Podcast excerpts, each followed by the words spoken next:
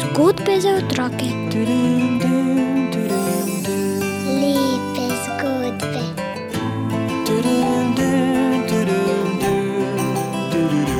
Bere nam jih Juri Sešar. Lepo pozdravljeni, naša adventna pot je skoraj pri koncu. Danes bomo slišali zgodbo o Danielu s flavto iz zvezdice v svetilki. Veste, kadar se je na betlehemskih ulicah pojavil Daniel s svojo malo flavto, so mu ljudje morali prisluhniti in se veseliti. Daniel je bil sicer usmiljenja vreden deček. Od rojstva naprej je imel šibko srce, ki mu ni dovoljevalo, da bi se z drugimi otroki lovil in podil naokrog. Na levo nogo je malce šepal in, kar je bilo najbolj žalostno, bil je slep. Nikoli ni videl ne sonca, ne neba, ne lepega sveta. Kadar pa je igral na flavto in to je počel skoraj vedno, ni bilo niti sence žalosti v njegovih melodijah. Daniel je bil vesel otrok in njegovo veselje je bilo nalezljivo. Bilo je sredi globoke zime, ko so se nekega jutra ljudje zbudili in niso skozi okna videli ničesar drugega kot sivino. Betlehem je bil zavit v meglo, ki je zastirala pogled. Znane ulice in kotički mesta so se naenkrat zdeli tuji in neresnični. Le Daniela vse to ni moglo prizadeti in megla ga ni mogla zadržati doma. Prav ta dan ga je vleklo ven.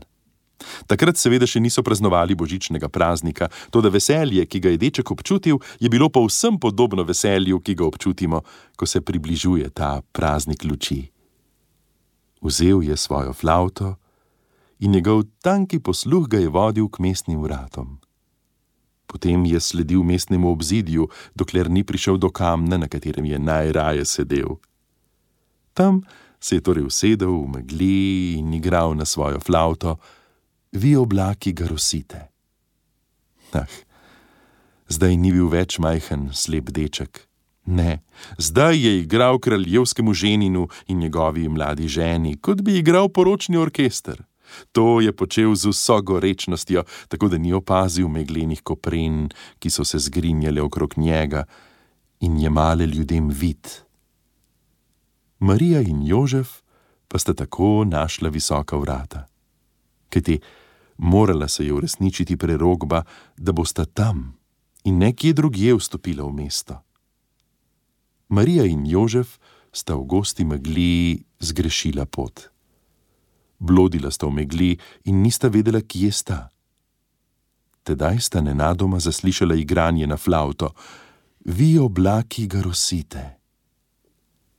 Obstala sta in prisluhnila čudoviti melodiji, potem pa sta sledila ljubki glasbi. Le kateri angel nas vodi? je vprašala ljuba božja mati. Takrat pa ga je že tudi zagledala skozi meglo. Deček s flavto je čepel na kamnu in spet sta obstala in prisluhnila glasbi, ne da bi ga ogovorila, dokler ni pesem izvenela. Potem se je Daniel obrnil k njima in vprašal: Kdo ste in kaj iščete tu? Uboga popotnika sva, mu je odgovoril Jožef. Iščeva pot v Betlehem. Uboga popotnika? je začudeno vprašal deček. In zdelo se je, kot da ju pozorno motri svojimi slepimi očmi.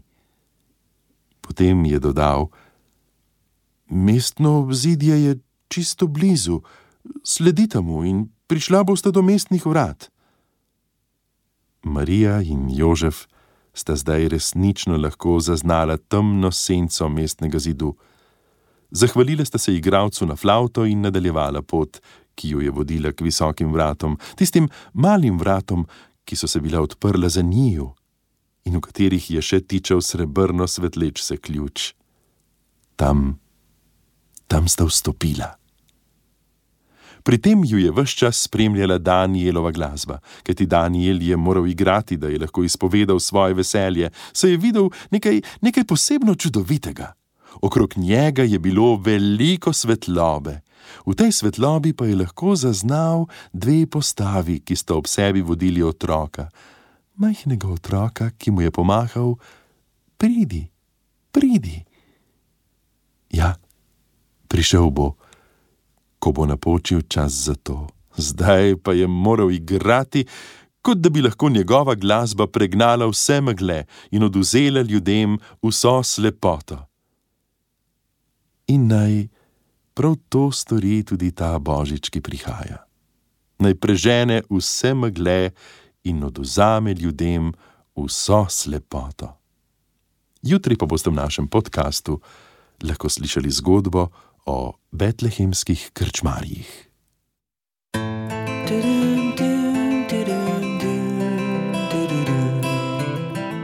Zgodbe za otroke.